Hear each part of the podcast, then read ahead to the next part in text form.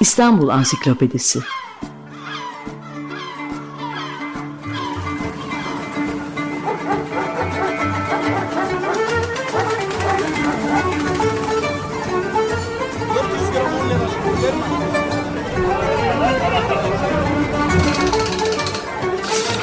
İnsanlar, olaylar, mekanlar, gelenekler ve ihtiyaçlar üzerinden şehrin tarihinden sayfalar.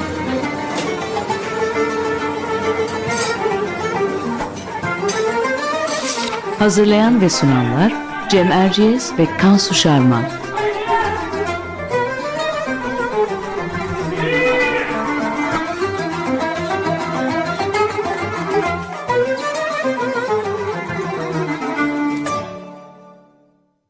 Merhabalar, ben Cem Erciyes. Açık Radyo'da Kansu Şarman'la birlikte hazırladığımız İstanbul Ansiklopedisi'nin 11. programındayız. Bu hafta konu olarak kendimize İstanbul'un sokak köpeklerini aldık. Bu konuyu konuşmak üzere de konuğumuz araştırmacı yazar Ekrem Işın. Ekrem Bey hoş geldiniz. Hoş bulduk efendim. Evet, e, sokak köpekleri tabii bizim hayatımızın, hepimizin İstanbul'da yaşayanların da bir parçası. E, so e, gezindiğimiz sokaklarda onlarla birlikte paylaşıyoruz İstanbul'u. E, bu çok uzun zamandır böyle ve çok İstanbul'a has bir şey. O yüzden de yazarların, seyyahların çok ilgisini çeken bir konu. Ben bu konuya Orhan Pamuk'tan bir giriş yapmak istiyorum. Pamuk meşhur kitabı İstanbul Hatıralar ve Şehir'de gez, batılı gezginlerden çokça bahseder tabii biliniyor bu. E, de, der ki 19. yüzyıla kadar gezginlerin, batılı gezginlerin İstanbul'da hakkında en çok yazdıkları şey Yeniçerilerdi. Bunlar sonra yok oldu. Daha sonraki gözde konuları esir pazarlarıydı ki kaldırıldı. Mevlevi tekkesiydi ki Cumhuriyet döneminde yasaklandı harem, Arap alfabesi, şehrin içinde kalan mezarlıklar, sırt hamalları gibi pek sevdikleri egzotik pek çok şey zamanla yok oldu gitti. Ama sonra şöyle devam eder e, lafa girişinden anladınız. Orhan Pamuk'tan birebir alıntılıyorum.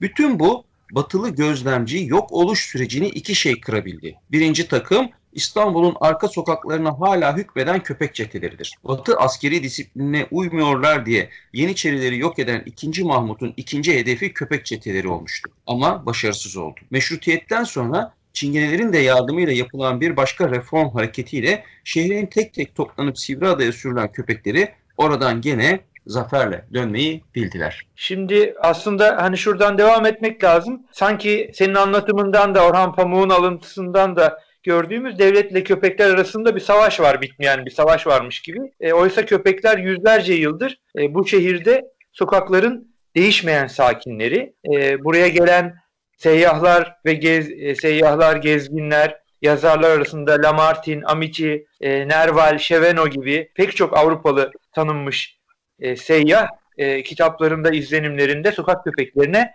yer veriyor. Sokak köpekleri 19. yüzyılda e, batılılaşma süreciyle birlikte aslında sorun olmaya başlıyor. Çünkü batı kentlerinde bizdeki gibi sokak köpekleri yok aslında. Kimilerine göre 19. yüzyılda İstanbul'da 40-50 bin kadar sokak köpeği varmış. E, İkinci Mahmut Yeniçeri Ocağı'nı kaldıran vakayı Hayriye'den sonra köpekleri de kentten sürmeye niyetleniyor. İkinci girişim 1861-1876 arasında tahtta olan Sultan Abdülaziz döneminde oluyor. Köpekler o zaman Sivri, Sivriada'ya sürülüyor ki sonradan 1910'larda yeniden göreceğiz e, Sivriada'ya sürülmelerini. E, oysa İstanbul halkının köpeklerle arası her zaman iyi olmuş. Hatta köpeklerin kentte bir miktar asayiş ve temizliğe katkıda bulunduğu e, ve bulunduğu yönünde kendine has bir kültürel denge de var. Şimdi daha fazla uzatmadan tam bu noktada konuğumuza Ekrem Işın'a soralım. Ekrem Bey yaklaşık 3 yıl önce sokak köpekleriyle ilgili İstanbul Araştırmaları Enstitüsü'nde e, Dört Ayaklı Belediye adlı bir sergi hazırlamıştı. Danışmanlığını da yine bu konuyla ilgili çalışmaları bulunan Catherine Pinke e, yapmıştı.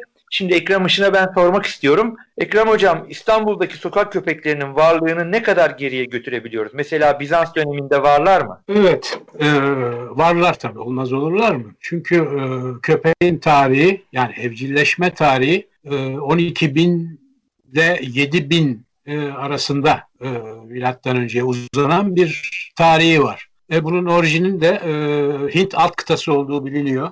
Asya kökenli.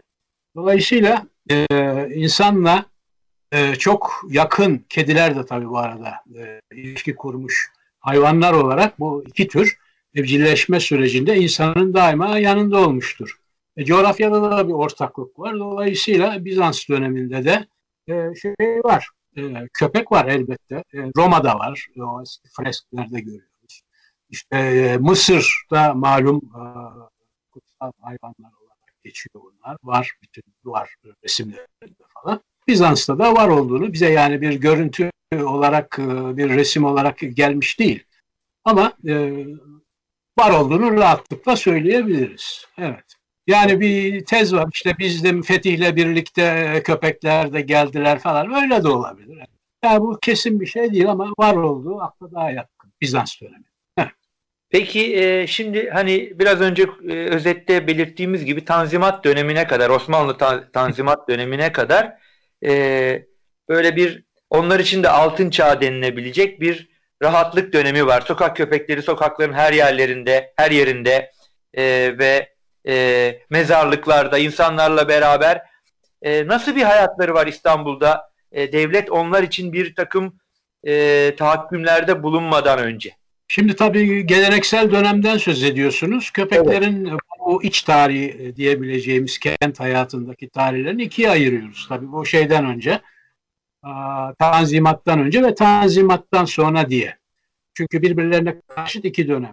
Şimdi bu ilk dönemde yani geleneksel dönemde e, bunu isterseniz Fetih'ten 1839'a kadar alalım. Sizin de belirttiğiniz gibi e, köpeklerle insanlar arasında herhangi bir problem yok. Bunun e, kaynakları çok eskidir arkadaşlar. Mesela 13. yüzyıla gittiğiniz zaman 13. yüzyıl sonu 14. yüzyıl başlarında işte bu Marco Polo'nun seyahatnamesine baktığınızda Doğu şehirlerini öyle bir anlatır ki Marco Polo ya burada e, bunlar acaba bir insanı mı anlatıyor, bir e, hayvanı mı anlatıyor? Belli değildir. Bir fantasmagorya şeklindedir. O kentlerdeki, şark kentlerindeki hayat. Yani böyle o insanlar dört ayaklı mı acaba? Efendim başları böyle keçi başı gibi bir üstü kıllı mı? İşte Batı her zaman için Doğu'yu, Doğu o dönem için konuşuyorum. Doğu kentlerine bu gözle bakmıştır. Yani garip e, insanların yaşadığı tuhaf bir belde olarak bakmıştır. Şimdi bunlar tabii Batı e, zihninde daha sonra işte bu tür egzotik e, kabul edilebilecek hayvanların kafeslenip işte getirilip gösterilme çıkartılması Avrupa'da ve e, hayatın içine sokmayıp e, dışlanmasıyla neticelenmiştir. Şimdi biliyorsunuz bizim Batı ile bu hayvan konusunda bazı ters şeylerimiz var, durumlarımız var hayvana yaklaşım açısından. Mesela bizde köpek mekruh kabul edilir. Yani dinen e, caiz değildir. Köpek eve alınmaz. Ama kedi eve alınır. Yani o mestanlar, sarmanlar, tekirler falan hepsi evde beslenir, şımartılır ondan sonra. Hepsinin evde bir aile ferdi gibi yeri vardır ama köpeğin yoktur. Sokağa ait. Batı'da bu tam tersidir. Kedi sokaktadır, köpek evdedir. Cins olanlar beslenir evde. İşte o şöminenin önünde yatarlar, kalkarlar falan. İşte onlara özel bakıcıları vardır. Ve bunlar işte av e, avcılıkta kullanılırlar. Çoğu bu iş için beslenirler. Şimdi e, dolayısıyla e, biraz soyutlama yapmamız e, gerekirse bu durumda e, şaşırtan ilk nokta Doğu'nun yani bizim de içinde yer aldığımız Doğu kentlerinin hayvanları sosyalleştirebilmesiydi. Buna hayret ediyorlar. Yani onlar için hayvan yabancı bir mahluk. Sosyalleşmeyi hayvanın mahalle ölçeğine katmasıyla gerçekleşiyor. Yani mahalle bizim e, en temel yaşama alanımız malum. İstanbul'da aslında koskoca bir mahalle. Dolayısıyla köpekler mahallenin sakinlerinden kabul ediliyor. Çünkü sokakta yaşıyor. Şimdi sokak çok önemli. Sokak köpeği var eden alandır. Peki nedir? Köpekleri tom, e, toplumsallaştıran dayanışmacı yani cemaatçi yaşam biçimi eğer Osmanlı insanının sokağa kapalı inanç dünyasıyla bütünleşmeseydi sonuç Avrupa şehirlerindeki gibi köpeklerin yurtsuzluk sorununa dönüşebilirdi diyorum. Yani kutsal olan hanenin dışındaki olmayan alan köpeklere e, tahsis edilmiş. Mahalleden geçen sokak. Sokak her zaman için yabancının mekanı olmuştur bizde. Serseriler için, sokak satıcıları, bekarlar, işte uygunsuz bir takım insanların gelip geçtiği yer gözüyle bakılmıştır. Ve e, rağbet edilmemiştir. Fakat diyorum ki durum bu terk edilmekle birlikte e, kötü netice doğurmadı. Toplumsal kültür kendi dengesini bozmadan şehrin tüm yaşam olanaklarını bünyesindeki canlı türleri arasında paylaştırdı. Bu paylaşmada sokaklar başta da dediğim gibi köpeklere bırakıldı. Yani sokak köpeğin vatanı oldu. Şimdi e, bu durumda insanımızın içgüdüsel olarak köpeklere yaklaşımında bir merhamet sorunu. Bu dinsel kaynak. Çünkü ağzı var dili yok. Hani derler ya zavallı evet. Tanrı'nın bir yarattığı bir yaratık e, üzerinden böyle bir nesne üzerinden bir şefaat dileme. Yani biz ileride öldüğümüzde ruzu mahşerde bize şefaatte bulunacak bu hayvanlar. Çünkü biz onlara yardım ettik. Yani bir vicdan sorunuyla yaklaşılıyor. Bu halk İslamı. Yani bu Kur'an'da olmayan, bu yazılı din metinlerde olmayan, bizim kendi uydurduğumuz bir folk İslam. Anlatabiliyor muyum? Yani her zaman da böyle olmuştur. Bizim kendimize has bir İslam anlayışımız vardır. Mesela e, şeyde İslam'da mezar taşı yoktur. Değil mi? Biz mezar taşı dikeriz. Hatta daha da ileri gideriz. Türbe yaparız. Yani bu o, o, halkın vicdanıyla medrese e, İslam'ının bir çeşit çatışmasıyla karşılaşıyor. Ama halk burada evet. galip geliyor. Ve dolayısıyla bunları sokakta besliyor vakıflar e, kuruyor. İşte bu vakıflardan para tahsis ediliyor bu hayvanların şey olmasına, bakılmasına. E bir de şey var tabii bu dört ayaklı belediye lafı da oradan gelir. Bu e, eskiden bu e, belediye hizmetler e, bugünkü anlamda olmadığı için işte herkes kendi kapısını önmüş, temizler, kent e, efendim şey olur, sağlık olur, temiz olur, zihniyeti de oradan gelir.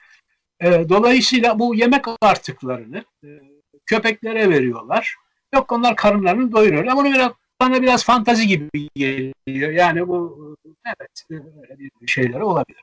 E, ama e, bu da bir onları şey yapmak için, korumak için bir bahane oluyor. İkinci bahane kolluk kuvveti e, olmaları.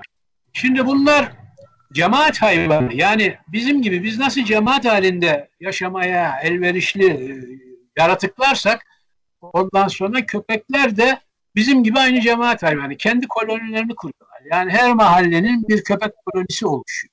Ve bunlar yabancıyı mahalleye sokmuyorlar. Bir çeşit güvenlik görevlisi gibi düşün. Dolayısıyla asayiş sağlıyorlar diye. Efendim?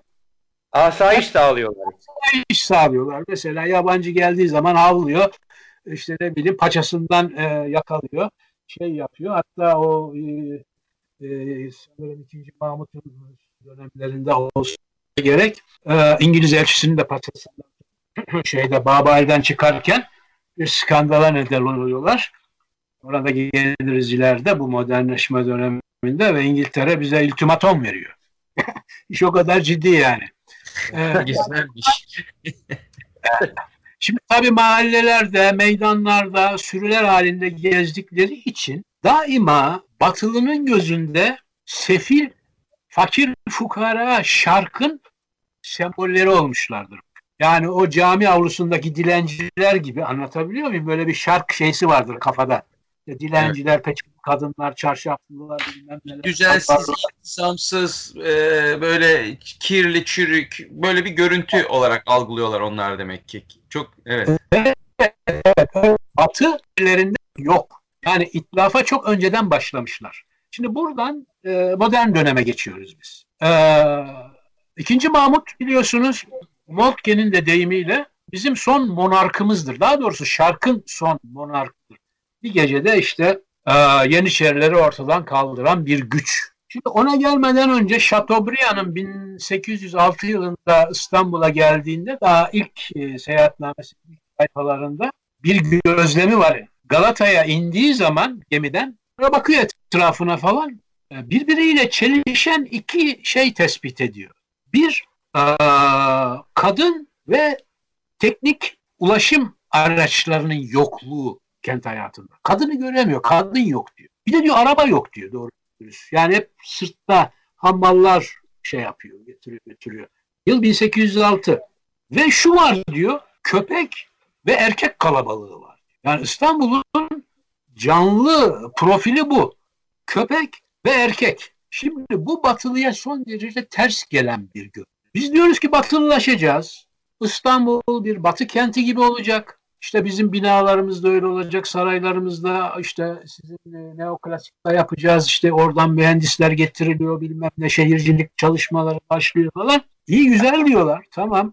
Ya ama bu köpekler ne olacak? Zaten şikayetler başlamış Beyoğlu'ndaki elçiliklerden. Bunlar bize rahat vermiyorlar, havlıyorlar. İşte geleni geçeni e, yapıyorlar. Mesela Miss Pardon'un seyahatnamesinde bol miktarda vardır. Biz diyor çözüm şeyde bulduk diyor. İşte para veriyoruz çingenelere ya da e, onlar topluyorlar, sandallara, kayıklara bindiriyorlar, karşıya Üsküdar'a bırakıyorlar. Ama diyor çözüm değil diyor. Dolayısıyla bunları ufak ufak kaldırmak yani bu görüntü kirliliğini diyelim silmek için sonunda itlaf projeleri gündeme geliyor. Şimdi aslında benim yapmak istediğim köpek üzerinden modernleşme tarihimizin bir trajedisini anlat. Evet. Ben bunu ilk defa 1987'de yazdım. 33 yıl önce yazılmış bir metin. İstanbul e, Dört Ayaklı Belediye. İşte yıllar sonra sergiye nasip oldu. Ee, yabancı literatüre de girmiş bir çalışmadır.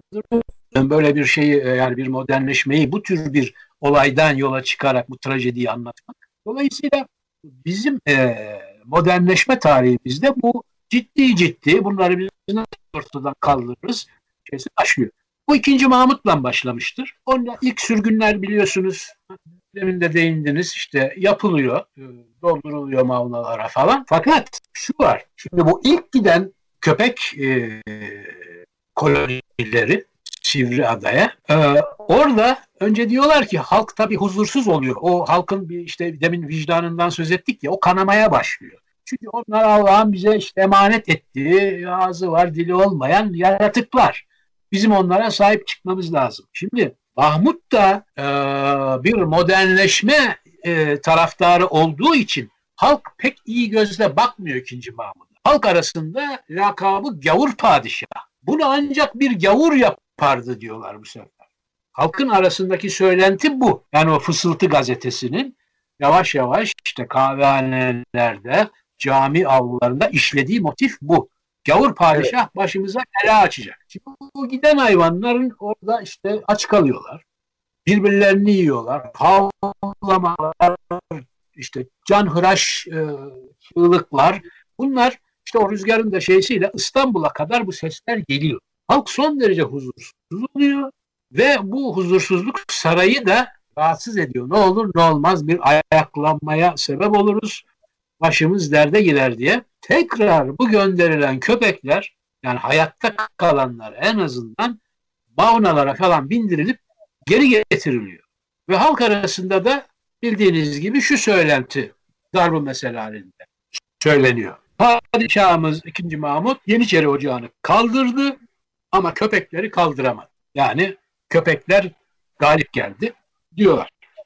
O tarihten itibaren ee, şeye kadar yani imparatorluğun yıkıldığı tarihe kadar yani ne var işte Mahmut'tan sonra Mecit var ondan sonra işte Aziz var sonra Mehmet var kısa bir dönem. İşte Abdülhamit geliyor. Peşinden Tonton Reşat. Onun peşinden işte Vahide. Bütün bunlar bizim modernleşme tarihimizin zayıf figürleridir. Birer karikatürdür. Bunlar monark değildir. Bunlar yabancı elçilerin artık önlerine koydukları dosyaları, projeleri yapmakla yükümlü kamu görevlileri. Mesela 19 yüzyılın ilk yarısında İngiliz elçisi Lord Stanford Cunning'in lakabı Sarıksız Sultan'dır. Stanford Cunning neyi uygun görürse padişah da onu yapar maalesef. Şimdi böyle bir zayıf otorite döneminde Batılı'nın bu köpekleri işte ortadan kaldırın, rahat edelim, siz de rahat edin diye ondan sonra bastırması sonucunda bu sürgünler hemen hemen her padişah döneminde az ya da çok bir şekilde Aziz döneminde de var işte daha sonra yapılmıştır. 1910 sürgünlerden sonra geleceğiz. Evet, Ama- yani belki de o Ekrem Bey yani ama hep yapılmış 1910 sürgünü çok iz bırakmış. Yani Evet. e, köpek meselesi dönüp de Osmanlı'da sokak köpekleri dediğinizde hemen akla e, 1910 tabii daha önce oldu da pek bilinmez.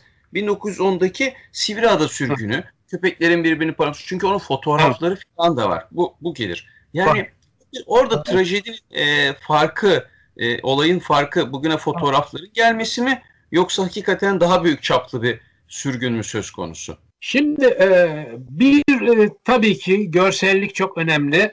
E, bir defa e, Batı e, bu illüstre e, yayın organları var biliyorsunuz e, London Illustrated ya da şeylerin var e, Fransızların. Buralarda bunların tabii çizimleri çıkıyor. Fotoğrafları daha sonraki şeylerde fotoğrafları falan çıkıyor. Ve bir infial uyandırıyor. Şimdi si- siyasi açıdan da e, daha sonra e, işte e, bu Ermeni olayları olacak. Ondan sonra bunun hatta e, bazı yorumcular ben katılmıyorum. Tabii bu bir Ermeni kıtalinin e, bir ön provası olarak bunu. Öyle bir programa da katılma şanssızlığım oldu.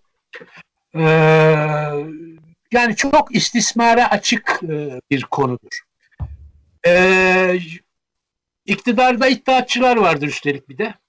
Ondan sonra o da yıpratılmaya çalışılmaktadır. Bütün bu faktörler bir araya gelince e, bu 1910 olayı patlar. Şimdi bu 1910 e, olayına kısaca e, değinmek icap ederse şimdi bunu en güzel anlatan Pierre Loti'dir. Onun meşhur bir kitabı var. Bizde de yayınlandı. Doğu Düşleri Sona Ererken diye. 1910 Ona ererken. Evet. Evet evet bu kitap e, yayın evi bastı bunu. Orada çok güzel bunun gün gün şeyini görürsünüz. E, Loti'nin sondan bir önceki gelişidir galiba. Yanlış hatırlamıyorsam yedi kere gelmiştir İstanbul'a. Bu galiba altıncı gelişi ya da son gelişi olabilir. E, gün gün bu şeye tanıklık eder. Nasıl insanların e, köpekleri e, bu cellatların elinden yani topluyorlar ya o kıskaçlarla falan işte yakalıyorlar, arabalara falan koyuyorlar, oradan mallara atıyorlar falan. Tabii fakir fukara halk 5 kuruş 3 kuruş verince koyunca cebine yapmayacağı iş yok. Dolayısıyla onları anlatıyor ve bunlar köpekleri nasıl kaçırıyorlar, saklıyorlar. Hatta o askerler, o subaylar, o Davut Paşa kışlasını nasıl gizli e, bir köpek e, barınağı haline getirdikleri. Orada bir İtalyan subayla konuşuyor. Onları anlatıyor. Ondan sonra ve canla başla işte bu köpeklere e, İstanbul halkı sahip çıkıyor. Şimdi tabii e, bu e, 1910'daki şey o Weinberg'in de ünlü bir fotoğrafı vardır. E, bu adadaki e, köpeklerin halini gösteren hepsi önce deniliyor ki biz bunlara bakacağız. Yani yemeklerini, iaşelerini işte sadece siz şey yapmayın. Yani o kadar endişe etmeyin falan ama tabii her şey gibi bizim bürokrasimizde bu da lafta kalıyor. Dolayısıyla köpekler yine birbirlerini yemeye başlıyorlar. Bu arada batıdan önemli insanlar geliyor. Mesela Sam var. Meşhur e, karikatürist. Ee, bu adam e, bir kayık kiralıyor. Adaya gidiyor. Orada o köpeklerin işte çizimlerini yapıyor. Ve bu bunlar e, şeylerde yayınlanıyor. Ee, neydi onun adı? Dışarıdaki e, gazetelerde, dergilerde. Tabii e, tamamen Batı e, aleyhimize işleyen bir süreç içinde olduğu için Batı kamuoyu. Barbar Türkler, katiller işte öldürüyorlar, ediyorlar. Halbuki öldürme fikrini kafamıza sokan Batı. Şimdi doğru dürüst bu hayvanlarla iç içe yaşayan bir toplum tamamen modernleşeceğim diye tersine dönüp bu hayvanları düşman belirliyor. Anlatabiliyor muyum?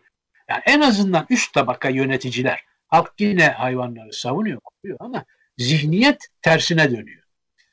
Tabii bu modernleşmemizin bir trajedisi. Önümüze koyulan bir dosyayı, yap denilen bir dosyayı yapma acizliğimiz. Bunun başka bir açıklaması yok. Ekrem Bey burada şunu sorabilir miyim? E, bu e, hep Sivriada'dan bahsediyoruz. Neden bu e, köpekler hep aynı yere 100 yıl yaklaşık 100 yıllık bir dönemde 100 yıla yakın bir dönemde sürekli hani böyle bu e, zaten çok küçük bir e, yüz ölçümü olan bu küçücük adaya gönderilmiş. Başka adalar da var. Yani başka isimler de geçiyor kaynaklarda. Sırf orası değil ama orası işte bu e, şey olaylara neden olduğu için büyük olaylara öyle Sivriada adı kalmış. Var orada daha birkaç e, küçük ada daha var. Gönderilmiş yani şeydi. Yani uzak olsun da neresi? Evet. Bu evet. durum böyle. Ha, sonra e, şimdi e, tabii e, bununla da e, yetinilmiyor. E, bu itlaf e, kamyonu, kamyonları projesi e, gündeme geliyor. E, Remlinger'in e, bir e, Pasteur Enstitüsü Remlinger'in bir raporu var. Şimdi bu adam biraz cin fikirli. E, bizim de ekonomik dar boğazda olduğumuzu bildiği için öyle hoşumuza giden bir rapor yazmış ki bakın bu hayvanları boş yere öldürmeyin. Öldürün ama bunların mesela e, kemikleri zamk olarak yani zamk imal edilebilir kaynatılıp kemikler. Efendim buradan para kazanırsınız. Efendim postundan işte para kazanırsınız. Sakatatından işte para kazanırsınız. Kemikleri öğütüp işte diğer hayvanlar için yem yapabilirsiniz. Gübre olur ne bileyim. Böyle işte bunları toplamış. Yani İstanbul'da 60 bin köpek var. Ee, bu 60 bin köpeğin işte bu tür bir işlemden geçirilmesi öldürüldükten sonra işte şu kadar bin 70 bin 80 e, bin frank mı bir, e, bir şey çıkartıyor belediyeye bir gelir. Tamam siz bu parayla bunu belediye hizmetlerde işte kanalizasyondu, aydınlatmaydı. Pekala kullanabilirsiniz. Size yük olmaz. Dolayısıyla bu işi de böyle halletmiş olabilirsiniz gibi biraz iyi niyetli gibi gözüken ama aslında bir itlaf şeysi. Efendim böyle mobil hareket edebilen araçlar var biliyorsunuz. İlk e, o projede bunlar var teklif. Yani hayvanı yakalayıp içine atıyorsun, gazı veriyorsun, orada içinde gidiyor hayvan. Ölüyor. Bu e, Nazi şeylerinde de biliyorsunuz daha bu kamplar tam tekmeden e, bu tür şeyler var. E, hareket eden e, işte atıyorlar içine götürüyorlar bir ormana e, Musevileri. Orada aracın içinde veriyorlar gazı öldürüyorlar ama şimdi e, burada da bizde de üç köpek beş köpek olacak gibi değil. Şimdi bu tabi biraz şeyde bizim e, o zaman Cemil Topuzlu iddiatçıların e, şeysi, e, şehremini İstanbul. E, tartışılıyor. Bayağı kavgalı oturumlar oluyor şehir meclisinde. Yani biraz onlara da ters geliyor ve bu proje hiç uygulanmıyor. Yani hiç uygulanmamıştır. Onun ben sergide işte fotoğraflarını falan e, şey yaptım. Fransa'dan gelen e, koyduk işte bu şey. Elektrikli olanlar var. Gazlı olanlar var. E, ve dolayısıyla çok çirkin bir şey tabii ki. Ondan sonra evet. bunu reddediyoruz. Uygulamıyoruz. Yani. Evet. Süremiz do, e, dolmak üzere. Dilerseniz toparlayalım evet. konuşmamızı e, Ekrem Bey. E, gayet güzel. Siz vallahi her şeyi toparladınız. Hiç e, evet, giremedik. kalmadı. Çok iyi oldu. Onun için ben e, tekrar sözü Kansu'ya vereyim e, kapanış yapmak için. Sizin e, son eklemek istediğiniz bir iki cümle evet, varsa alalım. ilgili belki bir e, evet. e, ekiniz olur. Efendim? E, son olarak e, bugün nasıl bir ortak hayatımız var? Onu birkaç cümleyle sokak köpeklerinin bugün günümüze gelirken Cumhuriyet döneminde e, evet. e, geldiği nokta ne? Onu da kısaca özetlerseniz e, zaten bu hafta ansiklopedi maddesini haftaya evet. bırakırız. Son cümleyi sizden alalım. Peki öyle olsun. İşte Cumhuriyet döneminde şey olmuyor yani böyle itlaf olayları yok. Ne e, şiş yansın ne kebap. Ufak ufak tabi belediyeler kendi bildiklerini okuyorlar. Bugün için halkımızda bu hayvan hassasiyeti üst seviyededir. hakikaten hayvanlara sahip e, çıkmaktalar. E, izleyenler var. Arkadaşlarım yani bu işleri çok iyi. Günde 24 saat kendini bu işe adamış insanlar var. Dolayısıyla eskisi gibi değil.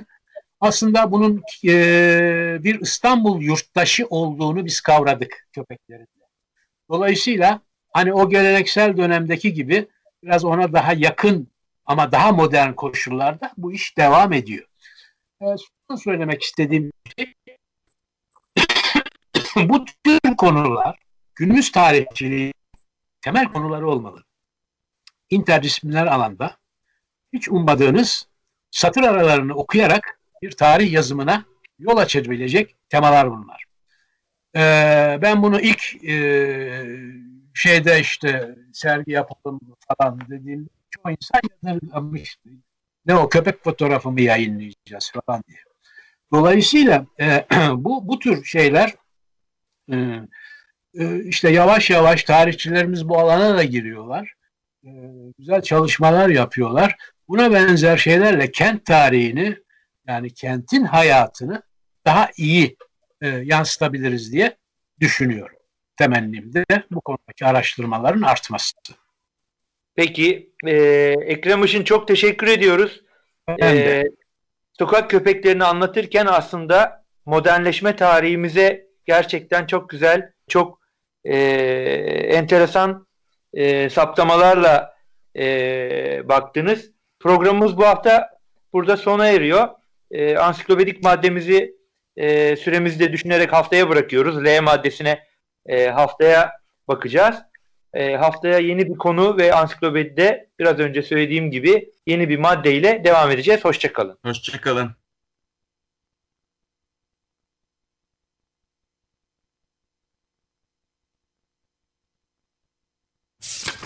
İstanbul Ansiklopedisi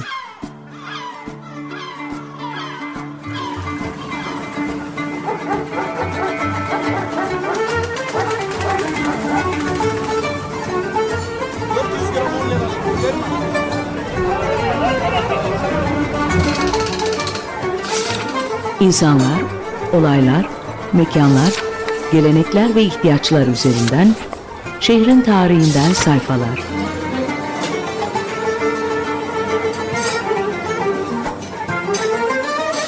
Hazırlayan ve sunanlar Cem Erciyes ve Kansu Şarman.